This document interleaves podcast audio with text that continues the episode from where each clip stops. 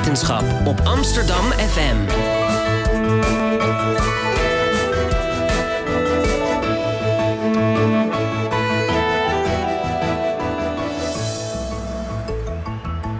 Radio Swammerdam. Een hele goede morgen en welkom bij Radio Swammerdam. Met een S inderdaad. Eh, live vanuit de OBA, het leukste wetenschapsprogramma op Amsterdam FM. En eh, u moet er vandaag wel live bij zijn, want we gaan straks allemaal dingen ruiken. En mijn naam is Lieven Heremans. Het is vandaag 24 januari. En 24 januari staat er altijd bekend omdat het of morgen of afgelopen week al Blue Monday is. En Maureen, is mijn co-host, is naast mij. Heb jij last gehad van eh, Blue Monday? Nee, nee, ik geloof dat het, eh, dat het ook niet echt eh, een kosmologische samenswering is of zo. Nee. Maar Blue Monday gaat erover dat je je goede voornemens eigenlijk eh, niet haalt en dan is iedereen depressief. En wij hebben ook een goed voornemen, Maureen. Kan je vertellen wat het goede voornemen van Radio Swammerdam is voor 2016? Jazeker. Eh we zijn van plan om eh, een heleboel nieuwe eh themadossiers op te bouwen. Zelf ben ik er eigenlijk al mee begonnen met het thema fundamenten van de realiteit. En het idee is dat we meer van dit soort thema's gaan doen. En dat is leuk, want dan kan je als je één uitzending hebt geluisterd, kan je denken, hé, hey, ik wil hier nog meer over weten of ik wil mijn kennis verdiepen. En dan kan dat. Dus dat is ons voornemen. Heel goed. En vandaag beginnen we met een nieuw dossier. Het dossier heet We Etenschap en het gaat over wetenschap achter eten. Ik kijk zelf heel graag het eh, programma Keuringsdienst van Waarde en daar doen ze altijd iets geks. Dan gaan ze namelijk met eten naar een laboratorium en dan laten ze testen bijvoorbeeld of er in deunervlees of daar ook echt eh, alleen maar lamsvlees in zit of dat er misschien ook koe of varken in zit. En het grappige in dat programma is dat ze dan altijd wijzen naar een grafiek en dat is dan wetenschappelijk aangetoond wat voor soort vlees erin zit. Maar wij als wetenschapsprogramma willen natuurlijk weten wat voor wetenschap zit er achter eten. En wat doet eten misschien ook wel met wetenschap. Dus vandaag de eerste aflevering in het eh, dossier wetenschap. En dat doen we met twee verschillende soorten disciplines, zoals we dat in de wetenschap noemen. Eh, aan tafel hebben we Caro Verbeek. Je bent historicus eh, aan de VU. En om het specifiek, specifiek te zijn, geurhistoricus. En ik wil je graag vragen, wat vind je lekkerder, kaas of yoghurt? Bedoel je wat ik lekkerder vind ruiken? Dat bijvoorbeeld, of wat je liever eet? Wat ik liever eet, dat is eh, zeker oude kaas. Oude kaas. Die, heeft heel veel, die is heel rijk en gelaagd in eh, smaken en geuren. En geur, dat is heel En belangrijk. textuur. Mhm. Ja. En eh, de andere gast, Marijn, wie zit er tegenover jou? Eh, tegenover mij zit, wil ik eventjes goed erbij pakken dat ik zeg, Remco Kort, hoogleraar microbiologie aan de VU en verbonden aan TNO en Micropia. Eh, welkom. Ja, dankjewel. En eigenlijk wil ik ook wel, je hebt het net gezegd over de, de kazen. En jij bent veel met yoghurt bezig. Denk je daar ook zelf over na als je iets eet, wat voor microbiologie daar in het product zit? Of, of is eten voor jou iets wat je daar los van je werk ziet? Ehm, nee, ik denk er inderdaad wel over na. Dus eh, als je bijvoorbeeld eh, eh, die yoghurt waar je het net over had, die, die maak ik ook wel zelf in mijn eigen keuken. En ja, ik moet zeggen dat ik dan ook wel het idee heb dat ik gezond bezig ben op het moment dat je dus die zelf, zelf geproduceerde yoghurt aan het opeten bent. Dus eh, op die manier ben ik er wel mee bezig. Maar ik moet nou niet zeggen dat eh, bij elke maaltijd die ik voor me zie, dat ik me afvraag van eh, hoeveel gezonde bacteriën zouden hier nou precies in zitten. Nee, maar kop je nog niet de neus uit, die yoghurt. Nee, nee dat eh, gaat niet snel vervelen. Ik vind het nog steeds heel erg lekker. Lokaler wordt het bijna niet. En over lokaal gesproken, er zijn lokaal problemen met treinen. Bas Belleman, onze vaste columnist, die komt eh, uit Haarlem en die zit nu in de auto omdat er geen treinen rijden. Eh, dus die is wat later. Ik wilde aan hem vragen hoe het zit met zijn kinderluiers. Want hij heeft het heel vaak over zijn kinderen in zijn columns. En die hebben natuurlijk poepluiers. En het schijnt dus dat je aan die geur gaat wennen eh, na een tijdje. Misschien kan jij antwoord geven op die vraag, Maureen, want jij hebt ook een jong zoontje van twee. Ja, Ehm, nou, ik vind het echt wel de, een van de minste vieze vormen eh, van poep, zeg maar. Ik vind volwassenen poep echt vies ruiken. En bij mijn zoontje is het... Je krijgt ook heel veel informatie uit. Ik denk dat er ook wel een soort evolutionair mechanisme daar in werking is. Als hij ziek is, ruik ik dat ook wel aan zijn poep, zeg maar. En als hij Oh, gezond is, dan, dan vind ik het ook lekkerder ruiken. Dus Dat eh, veel aan af te lezen. Wat cool. En over live gesproken, Bas Beddeman komt net de studio inlopen. Hij mag eh, nog achter de microfoon plaatsnemen. We hadden het net over kinderpoep. Want dat was eigenlijk de vraag die ik aan jou wilde stellen. Jij hebt het vaak, eh, of de laatste keer tenminste, dat wij in de samen in een uitzending zaten, had, had jij het over je kinderen. Dus ik dacht, misschien ga je het vandaag weer over je kinderen hebben, omdat die ook een hele specifieke geur hebben natuurlijk. Nee, dat ligt te gevoelig. Ligt er gevoelig? nee. Nee, nee, ik heb, ga het over pheromonen hebben straks. Oh, nou, dat is ook heel gevoelig natuurlijk. Hè? Ja, dat is waar. Ehm, voor de live luisteraars, jullie kunnen natuurlijk ook vragen stellen via Twitter. Twitter dan at, at Radio Zwammerdam. En ehm, als je later de uitzending wil terugluisteren, dan kan dat natuurlijk ook via onze podcast. Die kan je bijvoorbeeld vinden via iTunes. En dan kan je ook al die andere dossiers, afleveringen straks op vakantie bijvoorbeeld terugluisteren. Eh, we gaan nu even inkomen in het onderwerp met een fragment uit een podcast eh, van Ongesigneerd, heet die. Eh Ongesigneerd is een podcast gemaakt door Laura Stek en Stef Visjager van de VPRO.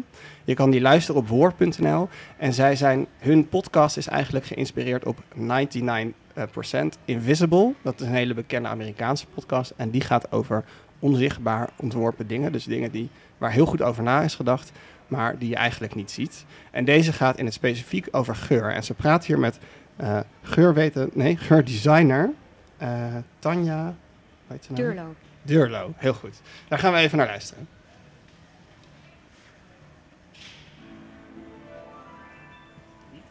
Simpelweg omdat ze haar reukzintuig beter gebruikt. Ik ben me wel boven gemiddeld bewust en ik snuffel ook echt aan mensen. Pardon? Ja, ja. Soms heel voorzichtig, dat ze het niet doorhebben. Expres even er langs lopen. Wij zijn natuurlijk echt een gure nerds. Hè? En die geurennerds zitten dagen achtereen in een laboratorium. Waar ze aan nieuwe formules en chemische processen werken om onze neus op verschillende manieren te prikkelen. Heel veel verschillende manieren. A team of researchers has determined that when it comes to estimating how good our sense of smell is, humans are just too hard on themselves. Uit Amerikaans onderzoek van begin dit jaar blijkt dat we ongeveer 10 biljoen geuren kunnen onderscheiden. 14 nullen dus. Dan steekt ons oog daar wat lullig bij af. Dat kan maar zo'n 10 miljoen kleuren onderscheiden. Maar waar we voor kleuren heel veel verschillende woorden hebben, bestaat er specifiek voor geur maar één. Eigenlijk hebben wij alleen het woordje muf. Dat is ook tragisch. 10 biljoen geuren en dan maar één woord. De rest ga maar naar. Scherp heeft iets met vorm te maken. Warm heeft iets met, met temperatuur te maken. Dat zijn geen woorden die over geur gaan. Erover praten blijkt dan ook best lastig. Erover praten blijkt dus ook best lastig. Nou, laat dat nou precies zijn wat we het komende, nou ja, nog drie kwartier gaan doen. Ehm, ik zei het net al, Caro Verbeek, je bent kunsthistorica aan de VU en je bent op het moment aan het promoveren in de kunstgeschiedenis op de geschiedenis van de geur in kunst. Dat zeg je helemaal juist. En de titel van jouw proefschrift is eh, In Search of Forgotten Sense. En we hebben het wel een beetje over gehad, maar we zijn dus ook op zoek naar woorden voor geuren. Klopt dat? Dat klopt. Ehm, nou, tegenwoordig houden heel veel kunstenaars zich bezig met geuren in hun installaties. Denk ook maar aan Wim T. Schippers met zijn pindakaasvloer. 100 jaar geleden waren kunstenaars ook al bezig met het integreren van kunst, eh, van geur in hun beeldende kunst. En wat zij daarbij deden, is ook zoeken naar nieuwe woorden, nieuwe methodes om geur concreter te presenteren, omdat je er dus zo moeilijk over kan praten. En ho- hoe heet dat? Dat is een heel moeilijk woord, hè? Nou, je zou kunnen zeggen olfactieve kunst. Uh-huh. Olfactief wordt nog steeds niet door Word goedgekeurd, Echt? Oké. terwijl het bijvoeglijk naamwoord voor geur is, zoals visueel dat voorzien is. En eh, ze noemen het ook wel onomatopoeia, klopt dat? Nou, dat woord waar jij het over hebt, dat is een woord wat klinkt zoals wat het betekent. En voor de futuristen, het futurisme was een, een stroming aan het begin van de 20e eeuw. Ze verheerlijkten oorlog, machines, maar ze werkten ook met de lagere zintuigen, geur, tast en smaak. En het was ook een literaire beweging. En bepaalde woorden die zowel klonken als wat ze betekenden, die hadden volgens hun een hele hoge trillingswaarde. Mhm, En hoe hoger iets trilde, hoe meer zintuigelijke indruk het kon overbrengen. mhm. Dus bijvoorbeeld kukeleku, hè, zo'n woord. Ja. Het is een, eh, ja, fonetisch, betekent het wat het eh, weergeeft. En dat zou zoveel trillen dat het meteen ook een geur overbrengt als je het alleen maar leest. En een geluid en alle zintuigen bij elkaar. En je had het net over de lagere zintuigen. Is er dan in de kunstgeschiedenis is er sprake van? Hè? Is het onderbelicht? Dat heeft dus ook weer met licht te maken. Kan je dat stellen? Ja, bijna alle woorden die over denken gaan, die eh, hebben het woord zien in zich. Hè? Dus het wereldbeeld, et cetera. En dat komt eigenlijk door Plato en Aristoteles, die al het zien en het horen als hogere zintuigen benoemen. En al die andere zintuigen als lager, want ze kunnen niet leiden tot contemplatie. Je kan er niet over spreken, die zintuigen. Nou, Kant en Hegel, esthetici uit de 18e eeuw, die nemen dat over en die verbannen eigenlijk geur uit de kunstgeschiedenis, uit het esthetische debat. Terwijl kunstenaars, anders dan die filosofen, wel geïnteresseerd waren in die zintuigen en eind 19e eeuw, begin 20e eeuw theaterstukken opvoeren met beeld en geluid, maar ook met geur, wat door de zaal werd geblazen. Kan je daar een voorbeeld van noemen? Um, een van de eerste voorbeelden is uh, een theaterstuk in Parijs, eind 19e eeuw, Cantique des Cantiques, of het Hooglied. Waarbij uh, gebruik werd gemaakt van die theorie over trillingen. Dat iedere trilling een beeld had, een klank en een geur. Dat was echt wetenschappelijk, hè? psychofysiologisch. Um, en dan werden, als je de letter I zag, werd de kleur oranje uh, getoond. En tegelijk werd een geur verspreid die aan oranje deed denken. En dan niet zo flauw als een sinaasappel, omdat een sinaasappel oranje is. Mm -hmm. Dat is maar een associatie. Nee, een geur die eigenlijk niks met oranje visueel heeft te maken. Dus dat zou zo jasmijn kunnen zijn. En um, wat, want jij dus doet dus nu onderzoek naar geuren en in kunst. Maar het is natuurlijk heel moeilijk om die geuren te vinden. Als je bijvoorbeeld naar schilderijen uh, gaat onderzoek doen, dan kan je bijvoorbeeld naar die plaatjes zoeken in boeken of in musea. Maar hoe vind jij die geuren? Ja, dat is inderdaad ontzettend moeilijk. Ik ruik overal aan. Ik ruik in depots of er toch nog iets over is gebleven van die geur. Soms kunnen geuren langer meegaan dan kleuren. Romeinse beelden, die zijn nu wit, die waren ooit beschilderd. Maar je kan nog wel ruiken welke reukoffers daar werden gedaan. Um, nou, soms is het natuurlijk wel vervlogen. Kun je het niet meer met een menselijke neus waarnemen. Maar dan kun je wel een luchtmonster nemen. En vervolgens uh, met gaschromatografie erachter komen welke aromatische moleculen daar ooit waren. Gaschromatografie, dat klinkt ook als iets wat Remco Kort uh, bekend in de oren moet klinken. Klopt dat? Ik heb, ja, ik heb daar uh, al een tijdje niet meer mee gewerkt, maar uh, tijdens mijn studie en onderzoek uh, heb ik inderdaad ook wel met gaschromatografie gewerkt. Kan je kort uitleggen wat dat is? Ja, het is uh, eigenlijk een technologie waarmee je gassen van elkaar kunt uh, scheiden. En uh, vaak werk je dan met een, met een kolom. en elk gas heeft dan een specifieke, zoals het bij een mooi woord heet, retentietijd. Mm -hmm. En als je dan bij een bepaalde tijd zit, dat de gas van een kolom afkomt, dan kan je op het moment dat je dat ook hebt gedaan voor referentiestoffen, kan je gassen identificeren. En doe jij dat ook zelf, Caro? Ik doe dat niet zelf. Uh, ik ben historicus natuurlijk, geen chemicus. Maar ik werk samen met een bedrijf, een uh, parfum, uh, groot parfumbedrijf, een smaakstofindustrie. en die hebben allemaal van die apparaten en bovendien ook de kennis om zo'n gaschromatogram vervolgens te lezen. Aha. En dan kan je ook weer die kleuren opnieuw maken, als het ware. Dan zou je ze kunnen reconstrueren. En dan kunnen wij ruiken wat mensen toen roken. Althans, het object is hetzelfde, -hmm. het waargenomen object. Maar wij als waarnemend subject zijn natuurlijk zelf veranderd. Dus moet je wel iets weten over de veranderende context waarin die geur te ruiken is. En kan je dan, wat zeg jij doet dus nu onderzoek naar uh, 100 jaar geleden eigenlijk. Hè? Precies 100 jaar geleden was er een manifest geschreven over uh, voor de geur in de kunst. Uh, en hoe was die context anders? Je zei net al iets over trillingen. Ja, dat is belangrijk om te weten. 100 jaar geleden schreef de futurist Ennio Valentinelli Arte degli odori, dus de kunst van geur. Mm-hmm. En daarbij poneert hij dat geuren op zichzelf als autonome gegevens kunst kunnen zijn. Dat is heel iets anders dan parfum natuurlijk, wat je op je huid spuit, wat meer toegepaste kunst is of een ambacht. En hij stelde voor hem bijvoorbeeld bij poëzie, voordrachten over de oorlog, ook stank te verspreiden. En wat daar interessant aan is, nog uh, kort geleden, voor de ontdekking van Pasteur, was er een enorme angst voor stank. Omdat werd gedacht dat stank ziektes verspreidde, het miasma. En anders dan dat het werd gezien als een trilling, stank als trilling, werd dat gezien als inelasticiteit van lucht.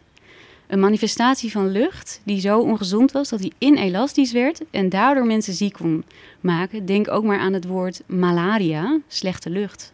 hè, wat dus Mhm. een ziekte zou verspreiden. Men wist niet hoe dat, hoe dat kon. En dat is dus eigenlijk een heel ander wereldbeeld of paradigma op hoe we nu over geur nadenken. Ja, nou pas in 2004 is de Nobelprijs gewonnen voor hoe het reukzintuig werkt. Dat is natuurlijk heel erg laat. Ja. Het is een ontzettend ingewikkeld zintuig.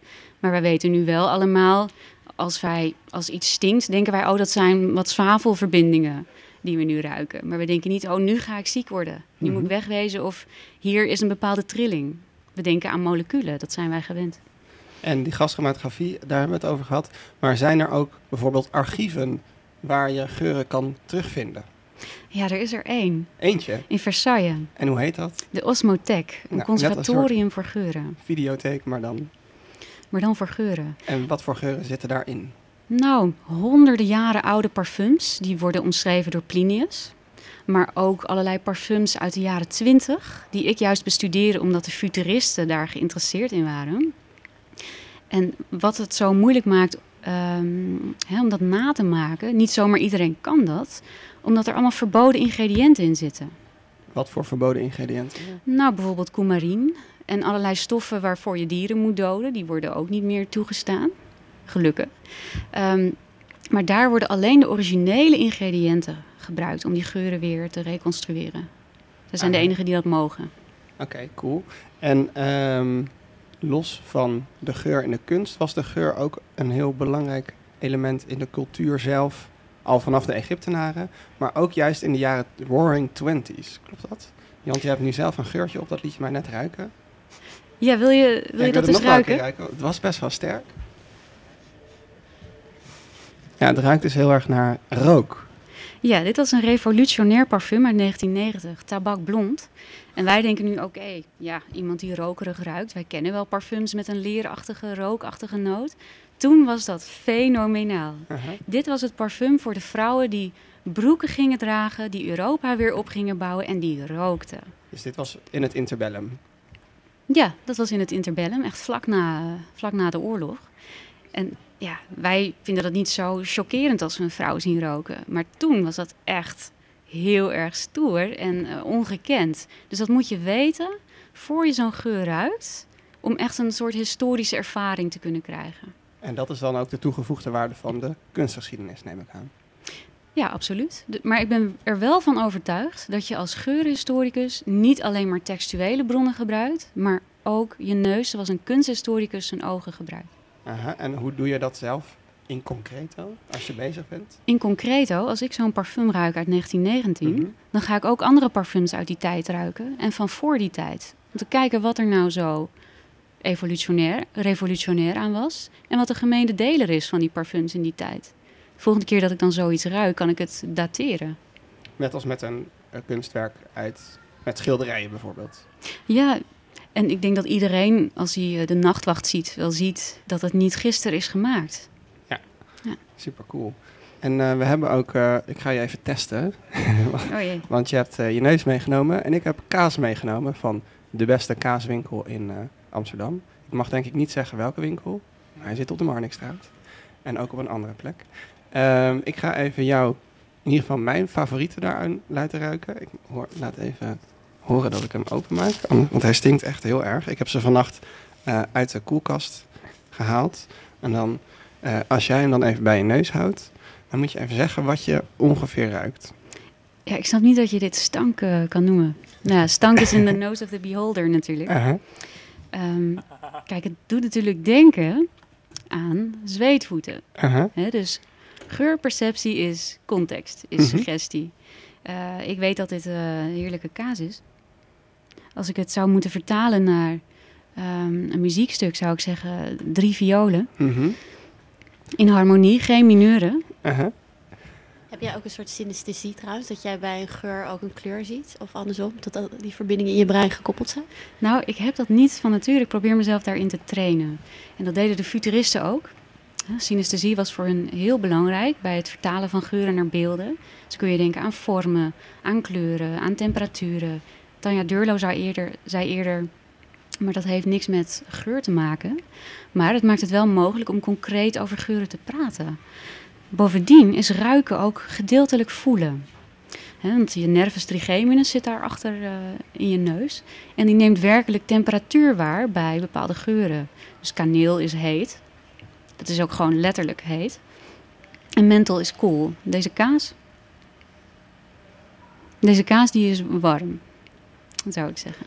En is dat ook een beetje dat gaschromatografie waar we het net over hadden? Dat, je, dat in je neus een soort mini gaschromatograaf zit? Of begrijp ik het dan helemaal verkeerd? Nou, de menselijke neus is nog vele malen ingenieuzer natuurlijk en complexer dan een gaschromatograaf. En wat een gaschromatograaf niet heeft, dat zijn herinneringen en associaties. Ervaring. Er Ja. wordt hier kaas over de tafel Ja. gegooid. Ehm, nou, zullen we even kijken naar het antwoord? Want het antwoord wat de, wat de mevrouw van de kaaswinkel had opgeschreven is stal, licht zuur, schimmel en een beetje een vochtige schuur. Maar goed, dan merk je alweer dat het heel lastig is om geur te beschrijven in woorden. Er zit wel temperatuur in dan. Ja, Toch? heb je dat Ja, ook al geroken? Nee. Ah, wel. Nee. Koel, vochtig. en wat zij ook vertelde, en dat kan Remco misschien beter beantwoorden, maar op deze kaas, laten we even horen dat ik hem openmaak. Eh daar zeggen mensen inderdaad dat het ruikt naar zweet. En dat komt omdat de bacterie die in deze kaas zit, zei de mevrouw van de kaaswinkel, die leeft ook op je huid.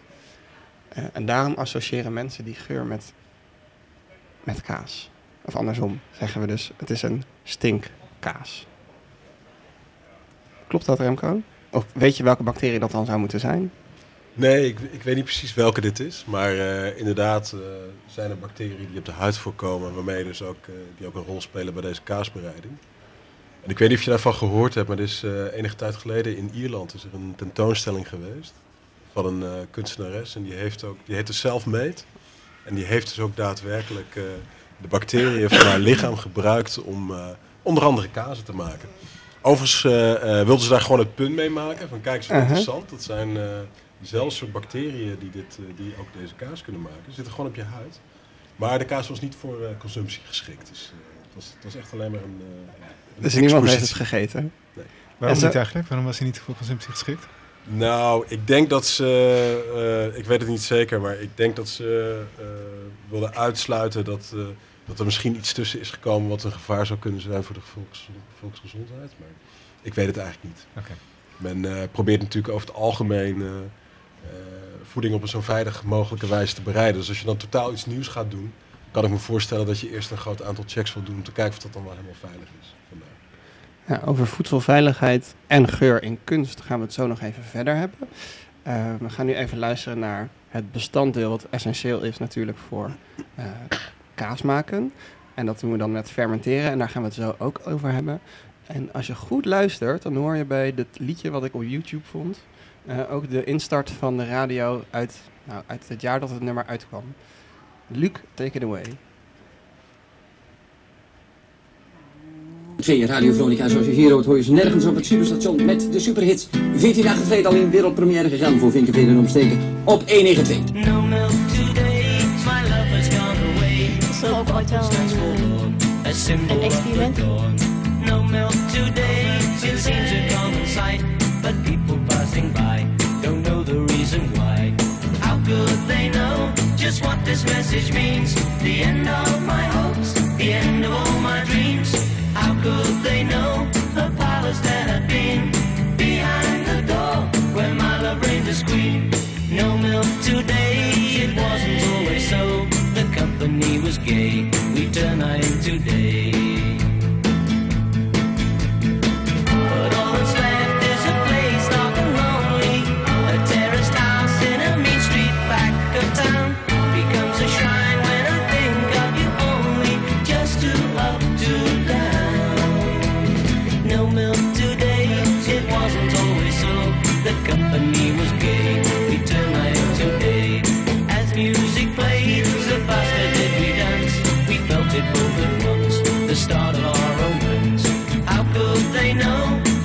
this message means? The end of my hopes,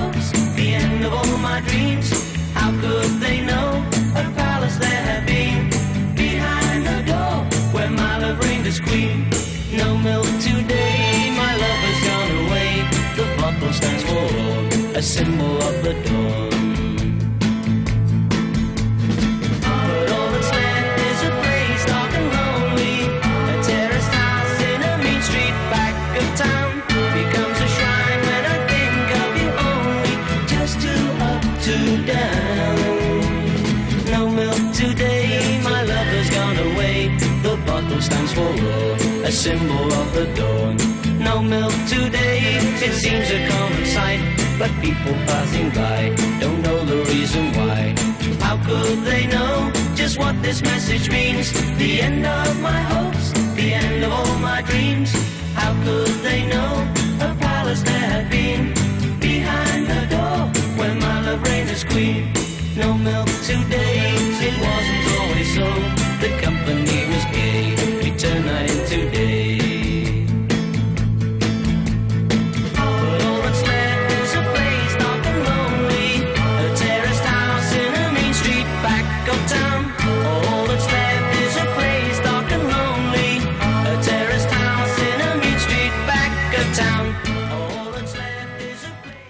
Welkom terug op Radio Zwammerdam of op Amsterdam FM. U luistert naar Radio Zwammerdam, waar we het vandaag hebben over geur en fermentatie. En bij ons aan tafel zit onze vaste columnist Bas Belleman. Je bent even uit de running geweest, dat was volgens mij mijn fout. Maar je bent weer vrolijk terug, dus eh, we zijn erg benieuwd naar je column. De bekendste roman over geuren, is natuurlijk Das Parfum van eh, Patrick Suskind. Waarin een eh, gewetenloze man over een extreem goede neus beschikt, beter dan die van honden. Hij wordt geboren, Jean-Baptiste Grenouille, op een eh, vismarkt. Geen ernstiger eh, stinkende plaats te bedenken natuurlijk. En zelf heeft hij geen lichaamsgeur en daardoor, volgens die roman, geen eigenschappen. Hij wordt parfumeur en gaat geuren maken. En met die geuren manipuleert hij mensen. En eh, soms maakt hij zich onzichtbaar met een geur en soms juist heel belangrijk. En tenslotte maakt hij ook een geur waardoor mensen op slag van hem houden. En zo pleegt hij zelfs zelfmoord door heel veel van die geuren over zichzelf uit te sprenkelen. En dan verscheuren de daklozen hem. Dit boek komt uit de jaren tachtig en het, eh, het, het raakt aan een bekende angst, namelijk dat we geen vrije wil hebben, maar marionetten zijn. In dit boek van de geuren. Je hebt het natuurlijk ook als een theologische discussie en soms een biologische discussie. Maar die angst is vaak hetzelfde. Zo'n 25 jaar voor Das Parfum eh, ontdekten ze de pheromonen. Dat zijn signaalgeuren waarmee dieren elkaar manipuleren. Mensen hebben misschien waarschijnlijk ook pheromonen. En dat prikkelt de verbeelding. Kunnen we elkaar met geuren beïnvloeden, zelfs als we die geuren niet merken, niet waarnemen. En ik zeg beïnvloeden, ik bedoel natuurlijk verleiden. Kunnen we elkaar met een geur het bed in krijgen? En hebben we dan wel een eigen aantrekkingskracht of doet onze geur het werk? Het idee van pheromonen leidt tot een soort eh, science fiction van seks, voor zover ik weet vanaf de jaren 90. Zo zouden we de slaaf van natuurlijke selectie zijn en stomweg de genetische kennis volgen die we dankzij pheromonen horen. Onze pheromonen vertellen dan of onze genen samen goede nakomelingen zouden geven. En de mythe komt vaak terug. We kunnen hem natuurlijk makkelijk weerleggen. Denk maar aan twee mannen die op elkaar vallen. Wat zouden die pheromonen over de nakomelingen zeggen? Of, uh, of uh, ik zelf uh, ben wel eens verliefd geweest op een meisje. Ik wilde niets liever dan met haar naar bed. Ik kwam er een aantal jaren later weer tegen. En toen was dat er toch niet op die manier meer. Zouden die pheromonen dan zeggen dat we andere genen hebben intussen? Maar die mythe, die is er. Daar, het is die onzekerheid en dat, en dat determinisme waar deodorantmakers ook op rekenen als ze hun reclames maken. Die actreclames waarin allerlei hitsige vrouwen op onbeduidende mannen afstormen, alleen maar door dat geurtje. En hoe meer je dan spuit, hoe meer dat gebeurt. Schaamteloos op das parfum geënt natuurlijk. Duurdere parfums die haken daar ook op in. Die doen alsof je van geuren mysterieus, diepzinnig en sexy wordt. En die culturele mythe, die, die angst voor het determinisme van geuren, die uh, kan misschien verklaren wat ik laatst op een uh, wijncursus meemaakte.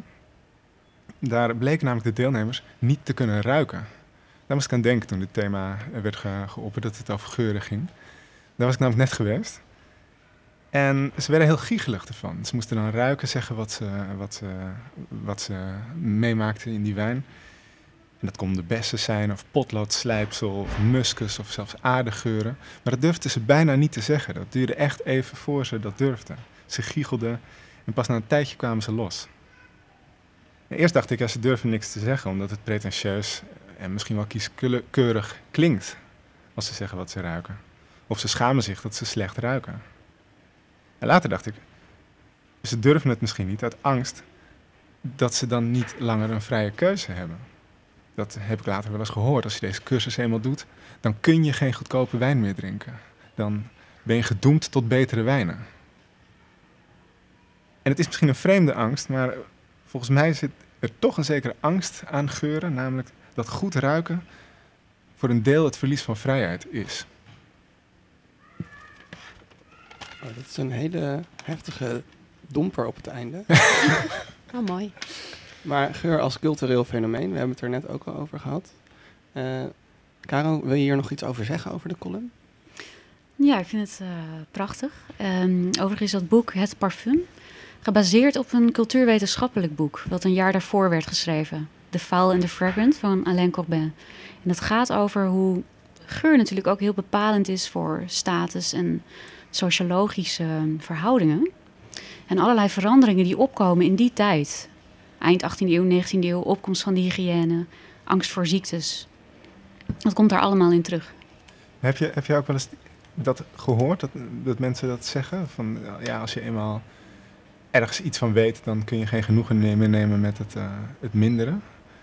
Dat heb ik, kwam er, toen ik erover naging, denk ik, best wel vaak heb ik dat gehoord. Nou, ik heb dat zelf wel met eh, schoenen.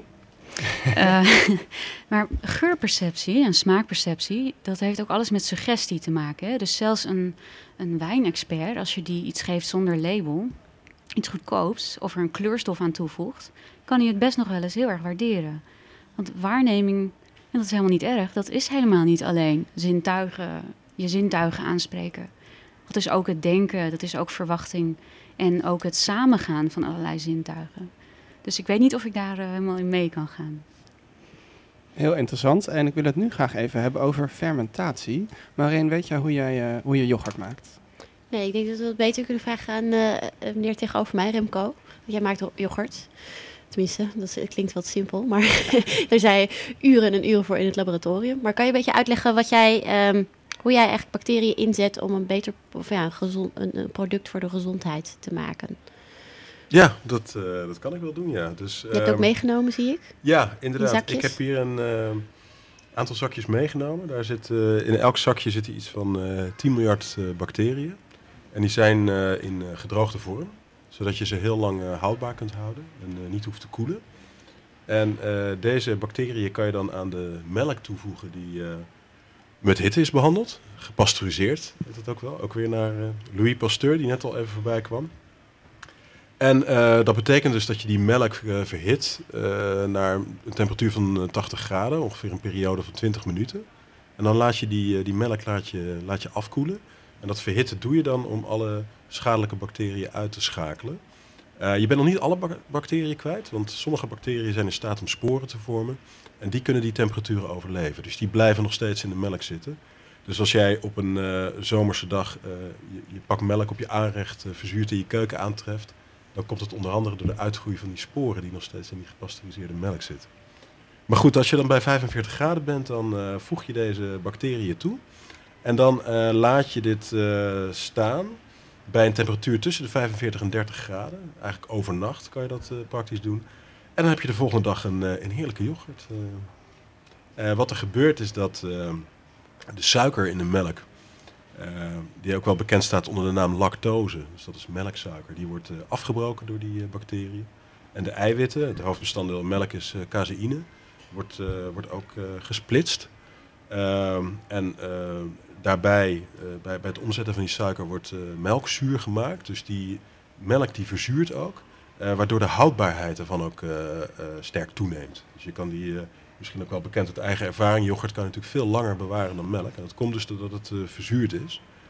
En wat ook wel interessant te weten is aan fermentatie, is dat het eh, eigenlijk een soort voorvertering is. Dus eh, in je darmen zelf zitten hele grote hoeveelheden bacteriën. En die fermenteren of die, die dragen ook bij aan het verteren op die manier van je voedsel. Maar in dit geval doe je het dus buiten het lichaam. Dus het is een soort voorverteringsstap. Waardoor je eigenlijk ook eh, ja, de, de nu- nutritionele waarde van die, eh, van die voeding toeneemt. Dus eh, ja, er zijn eigenlijk een groot aantal eigenschappen door de omzetting van melk in, in yoghurt. Waardoor je eigenlijk een, ja, een wat beter product hebt. Er worden ook wat vitamine nog door die bacteriën aangemaakt. En wat we hiermee, wat eigenlijk het belangrijkste is bij dit zakje, is dat we ook een zogenaamd eh, probiotische bacteriën hebben geïsoleerd. Wat is dat? Ja, dus een, eh, volgens de definitie van de, de WHO is een eh, probioticum een, eh, een bacterie indien in voldoende mate toegediend een gezondheidsbevorderend effect op de gastheer heeft. Aha. En dus dit, dit wat we hier gedaan hebben, het hele verhaal even samen te vatten, is een, een, een, een consortium. Dus dat zijn twee bacteriën bij elkaar gezocht, die niet in het klassieke yoghurtconsortium zitten. Want je mag yoghurt pas yoghurt noemen als je het hebt over Lactobacillus bulgaricus en Streptococcus thermophilus. Dus die twee moeten erin zitten. We hebben hier twee andere bacteriën bij elkaar, of één andere bacterie bij, dat bij die probiotische bacteriën gezocht. Zodat zij dus ook zich kunnen gaan vermenigvuldigen in die melk. Want dit, eh, dit probioticum, dat is een eh, darmisolaat. En eh, helemaal geoptimaliseerd voor de omgeving in de darm. Maar kan niet zomaar uitgroeien in, in melk. Eh, hij kan, dat melksuiker kan hij niet omzetten. En hij kan die eiwitten niet afbreken. Dus we hebben er een, eh, een helperbacterie bijge, bijgezocht. Die in staat is om die eiwitten in stukjes te knippen. Dat levert peptide op. Eh, en om die suiker af te breken. Dus die lactose die wordt gesplitst. En er wordt een galactose gemaakt. En waardoor die eigenlijk die helperbacterie hapklare brokken maakt, zodat deze probiotische bacterie echt in de melk kan uitgroeien. En het hele idee daarachter is dat eh, in de literatuur is, dus wetenschappelijke literatuur, eh, kan je overtuigend vinden dat er bewijsvoering is voor dat deze bacterie helpt in de bestrijding tegen rotavirus geassocieerde diarree. En dat is nou net een, een vorm van diarree die eh, ten zuiden van de Sahara en Afrika heel veel voorkomt. Dus die ook onder andere ook leidt tot kindersterfte. Voor, voor 20 tot 30 procent van de gevallen voor kinderen onder de vijf jaar. Dus wij dachten, zou het nou niet geweldig zijn als die mensen zelf deze bacterie kunnen gaan kweken in hun lokale ingrediënten. Dus eh, nou, dat hebben we dus zo opgezet. Dus die, de, de, de lokale boertjes daar zijn georganiseerd in, eh, in coöperatieven. En je moet dan echt denken aan een, aan een boer met één koe. En eh, die verzamelen de melk op een centraal punt. Daar, gaan dan, daar gaat deze gedroogde starter bij. En die zijn dus nu in staat om zelf deze probiotische bacterie, die veel te kostbaar is, waar ze normaal gesproken nooit over zouden kunnen beschikken, in hun melk op te groeien. En zo eh, ook op de lokale markt af te zetten. En dat is voor die mensen zelf daar heel belangrijk, dat de waarde eh, van, dit, soort- van dit soort, eh, een soort drinkyoghurt, probiotische drinkyoghurt produceer je hiermee. Het is ook langer houdbaar, toch? ja, precies. Dus de houdbaarheid gaat, eh, gaat vooruit. Maar ook die, die, die drinkyoghurt heeft ongeveer eh, een waarde die drie keer zo hoog is dan, dan de melk zelf. Dus zij kunnen hiermee ook zelf een bedrijfje opzetten. Dus het is eh, naast, eh, noem het maar, eh, gezondheid, eh, is het ook heel duidelijk gericht op economische ontwikkeling. Aha, en dus je stuurt die zakjes op en dan maken ze er yoghurt mee en dan hebben minder mensen diarree. Dat is het idee. Want mensen daar hebben heel veel diarree. Ja, nou, ja, vooral onder kinderen is het dus een groot probleem wat ik Mhm. zei. Dus kinderen onder de vijf jaar. En dat eh, is eigenlijk ook wel iets wat een beetje geldt voor eh, probiotica in het, in het algemeen. Dat, eh, er zijn natuurlijk heel veel vragen die mensen hebben rondom, ja, wat doet dat nou precies of zo. Maar vooral dus bij, in, de, in de vroegste periode van het leven. Eh, dan zie je dat er interventies zijn met eh, probiotische bacteriën die echt een groot verschil kunnen. En wordt het zo dan eigenlijk ook verkocht met die boodschap? Of is het meer gewoon een nieuw product in een, in een, in een mooi jasje... wat ook gewoon interessant, leuk, nieuw product is? Of zijn mensen ook echt bewust van dat het helpt, preventief waarschijnlijk, bij eh, diarree? Of is het eigenlijk een... Ja, het is preventief neem ik aan, toch? Ja, het is zowel preventief als curatief. Oh, oh, Dus, eh, curatief, Het, het, oké. het- ja, dus het verkort ook de duur van diarree op het moment dat je dit neemt. Overigens zo dat je met die diarree natuurlijk... eh, heb je vaak zo'n rehydratatietherapie, hè, want die Mhm. kinderen gaan dood aan eh, uitdroging. En eh, je moet het... het is niet een van de wondermiddel van je neemt wat bacteriën en dan genees. Het is natuurlijk ook nog wel belangrijk dat je voldoende water in blijft nemen. Want het, want uitdroging is dan het grootste probleem. Maar kopen ze in de apotheek of gewoon in de... zu- in- Nee, in dit, de dit, markt, is, eh, eh, dit wordt helemaal niet op de markt gezet als een eh, medicijn, maar echt gewoon als een. Net zoals dat het Nederland zelf ook eh, gaat eh, eh, in de supermarkt. En... ja, eh, wat exact. Dan kan je dit gewoon eh, vinden als. eh, het wordt verkocht in, eh, in Afrika in een hele goedkope verpakking. Dus dat zijn eh, plastic zakjes eh, van met een inhoud van eh drinkyoghurt van 250 milliliter. Die ze gewoon dicht sealen met een sealapparaat.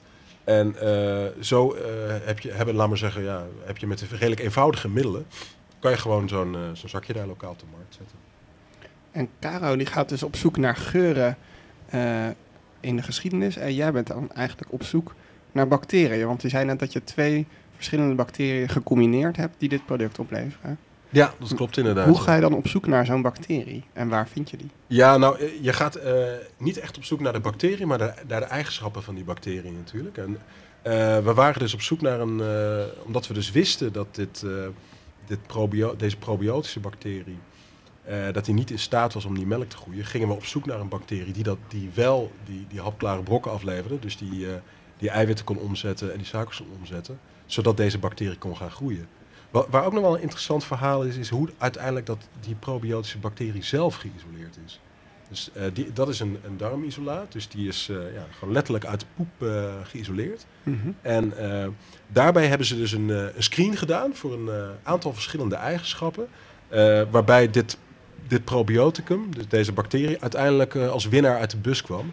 En de eigen, eigenschappen waar ze naar gekeken hebben zijn eh, onder andere of deze eh, bacterie in staat was om het zure milieu van de maag te overleven.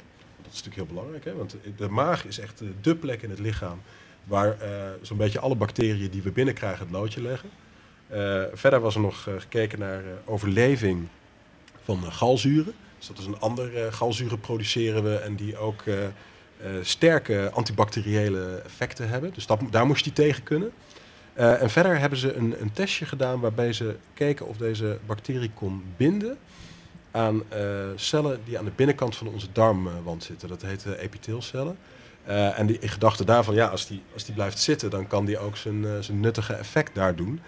En eh, toen kwam deze dus als winnaar uit de bus. En, en eh, wat echt heel boeiend is, is dat iets van eh, een jaar of tien later, dus dit, eh, deze bacterie heeft het onderzoek dateert uit 1985, en jaren later, is toen ook echt het mechanisme gevonden waardoor die bacterie aan die cellen van die darmwand kan binden. Dus hij blijkt, die bacterie blijkt aan zijn buitenkant een eh, bepaalde uitstekende delen te hebben waar een eiwitje aan zit.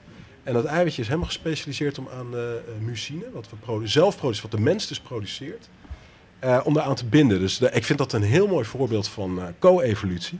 Dat je eigenlijk ziet dat zo'n bacterie ook helemaal geoptimaliseerd is om zich te nesten, laten we zeggen, in het milieu van de darm. Hij kwam uit kaas, toch? Klopt dat? dat is eigenlijk het antwoord dat ik wilde horen. De, eh, dus die probiotische Ja. bacterie is geïsoleerd uit de poep. En de, die helperbacterie is geïsoleerd uit de kaas, inderdaad. En dat was een Iraanse kaas. Of wel- Iraans of Iers? Iers, oh, dat Ik dacht kan Iers, maar ja. We hadden het net over een kunstenaar eh, in Ierland. Want jullie zijn eigenlijk allebei een beetje bezig met geur in musea. Want je moet eigenlijk hier even aan tafel zitten. Ik ruik het nog heel sterk. Ik weet niet hoe jij... Zo. Ja, het is Kaas, heftig, hè? ja, Vooral de- vroeg op de of is het de ochtend. Ik vind, kaas? dat eten we lekker, Ik maar- denk al dat het kaas is. Caro, klopt het dat we de kaas ruiken? Want je hebt ook allemaal geurtjes op tafel staan. Eh, ja, ik noem het overigens altijd graag geuren. Ehm, hè, zoals het plaatje staat tot het schilderij, Ja. staat eh, de geur tot het geurtje. Ik heb hier een hele bijzondere geur, die in de Bijbel vaak wordt genoemd. Door Plinius wordt die ook eh, omschreven. Zal ik hem eerst aan jou geven? Ja, ik ga weer even ruiken hoor, jongens. En dan ben ik Moet benieuwd wat iedereen ervan Oh, wow.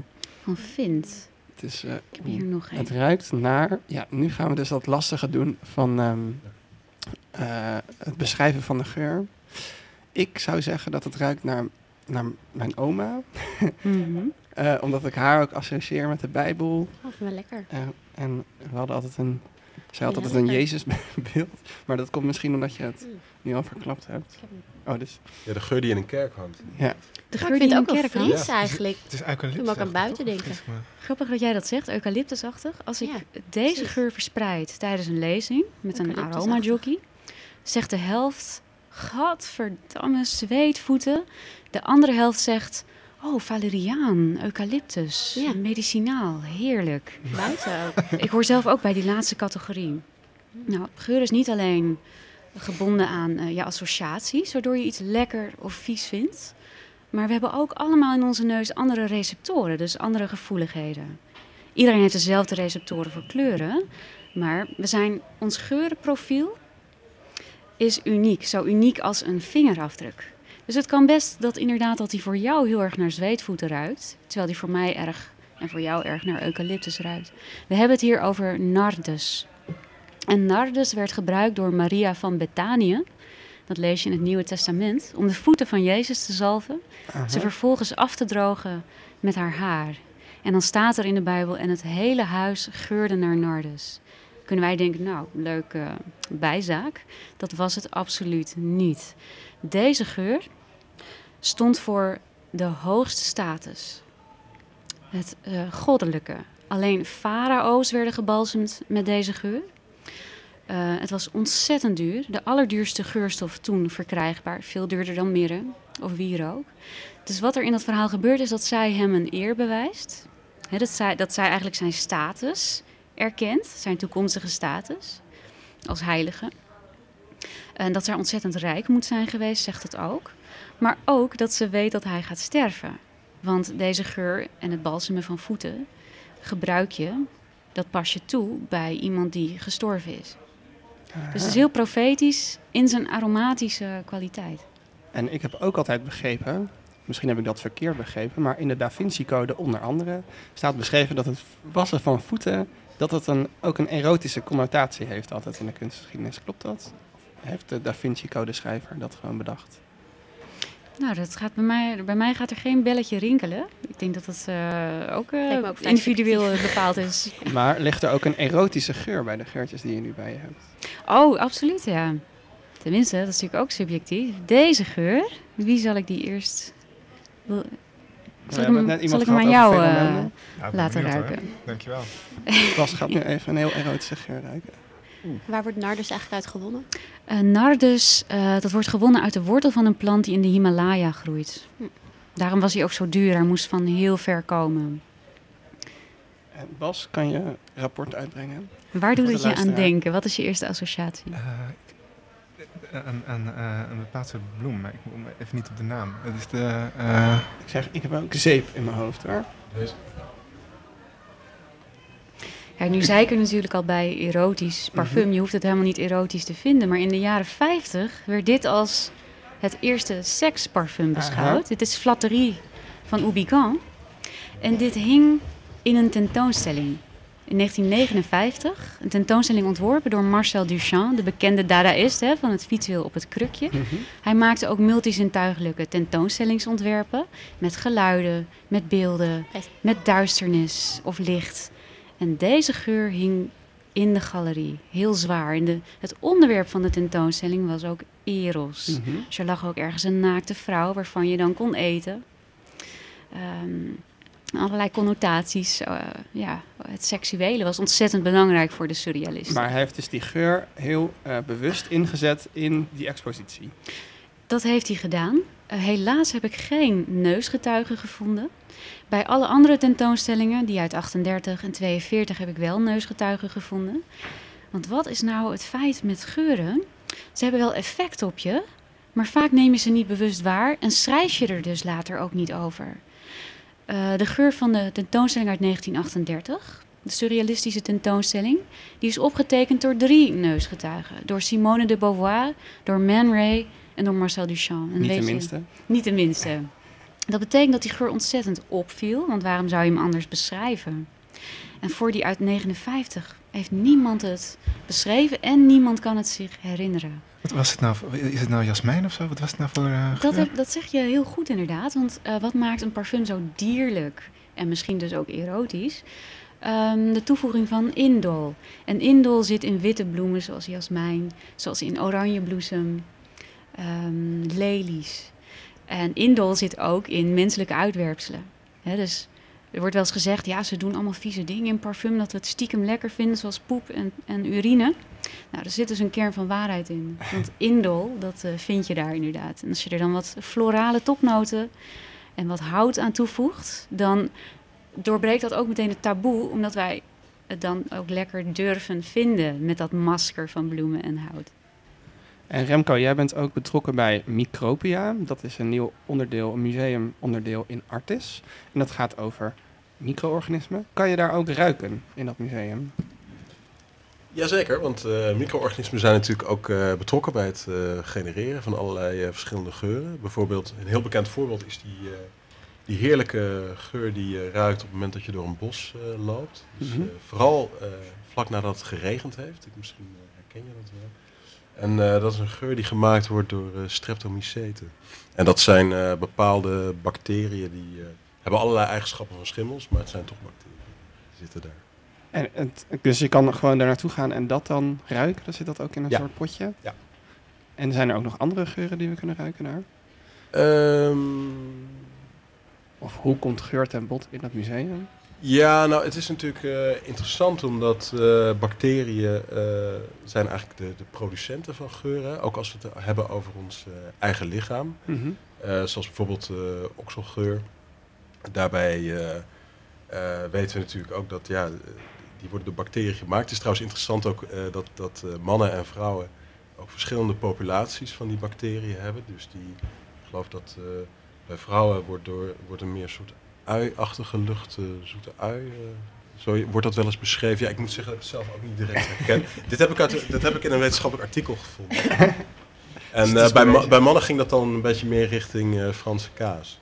En dat heeft dan te maken met de, de verhouding tussen twee verschillende bacteriën die op de huid zitten, die dan anders zijn bij mannen en vrouwen. En Want we hadden het daar net al even kort over voor de uitzending, dat het misschien ook wel interessant zou zijn om te kijken of je die eh, verzameling van bacteriën zou kunnen sturen. Dus anders dan een deodorant, om te kijken of je op die manier, laten we zeggen, ook eh, de geur een beetje kan sturen door gewoon te kijken naar die eh, populatie. Ik, ik moet zeggen dat ik eh, ook die, eh, naar aanleiding van die, die kolom, eh, waarbij het had over dat determinisme en dat gevoel van vrijheid, juist die discussie komt ook heel vaak terug als je het hebt over de bacteriën en eh, de mens als eh, symbiose, laat maar zeggen, met, met de bacteriën, dat op een gegeven moment eh, mensen ook wel eens het idee krijgen van hé, er zitten zo verschrikkelijk veel bacteriën in en op ons lichaam. Eh, spelen zij ook geen hele belangrijke rol bij de, de keuzes die we nemen en eh, ons gedrag? Wij zijn alleen maar de drager ervan. Ja, precies. Dat zou dan de meest extreme vorm daarvan zijn. Ja. Ja. En eh Caro, in contemporaire kunst, als mensen graag een kunstwerk willen ruiken, waar moeten ze dan naartoe? Nou, we hebben een hele beroemde toevallig hier in Amsterdam, in het Stedelijk Museum. De Beanery van Edward Kienholz. Dat is een bar uit LA, echt een replica. Heel exact nagemaakt, met echte voorwerpen ook uit die bar. Ehm, en om het zo echt mogelijk te maken, heeft Edward Kienholz een geluid toegevoegd. Een, geluidsopname die te horen was in die bar. Maar natuurlijk, wat verhoogt een realiteitsgehalte het aller, allermeest? Dat is de geur. Dus om die geur, wat zit, ja, hoe ruikt een bar volgens jullie? Wat kom je daar allemaal tegen? Hout en bier. Hout, bier, Ik ben er toevallig laatst geweest en nog. Ja, urine En- ook, hè? Kan je er iets over vertellen? Hoe, hoe ervaarde je dat? Ja, het, ja, het is wel heel benauwd hoor. Het is, het is een kleine schaalmodel. Het is niet helemaal Mhm. echt die bar. En zo, al, die, al die poppen hebben klokken als gezicht. Op één na, geloof ik.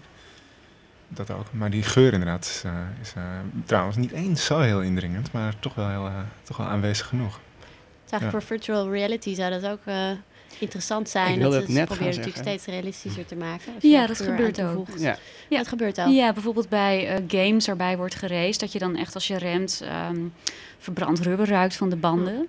En dat, het verhoogt het realiteitsgehalte enorm. Kijk, want een beeld is een representatie. Hè? Een geur representeert eigenlijk niet. Dat is gewoon diezelfde geur. En die heeft datzelfde effect op je. Eh, je reukhof zit naast je amygdala, je emotionele centrum.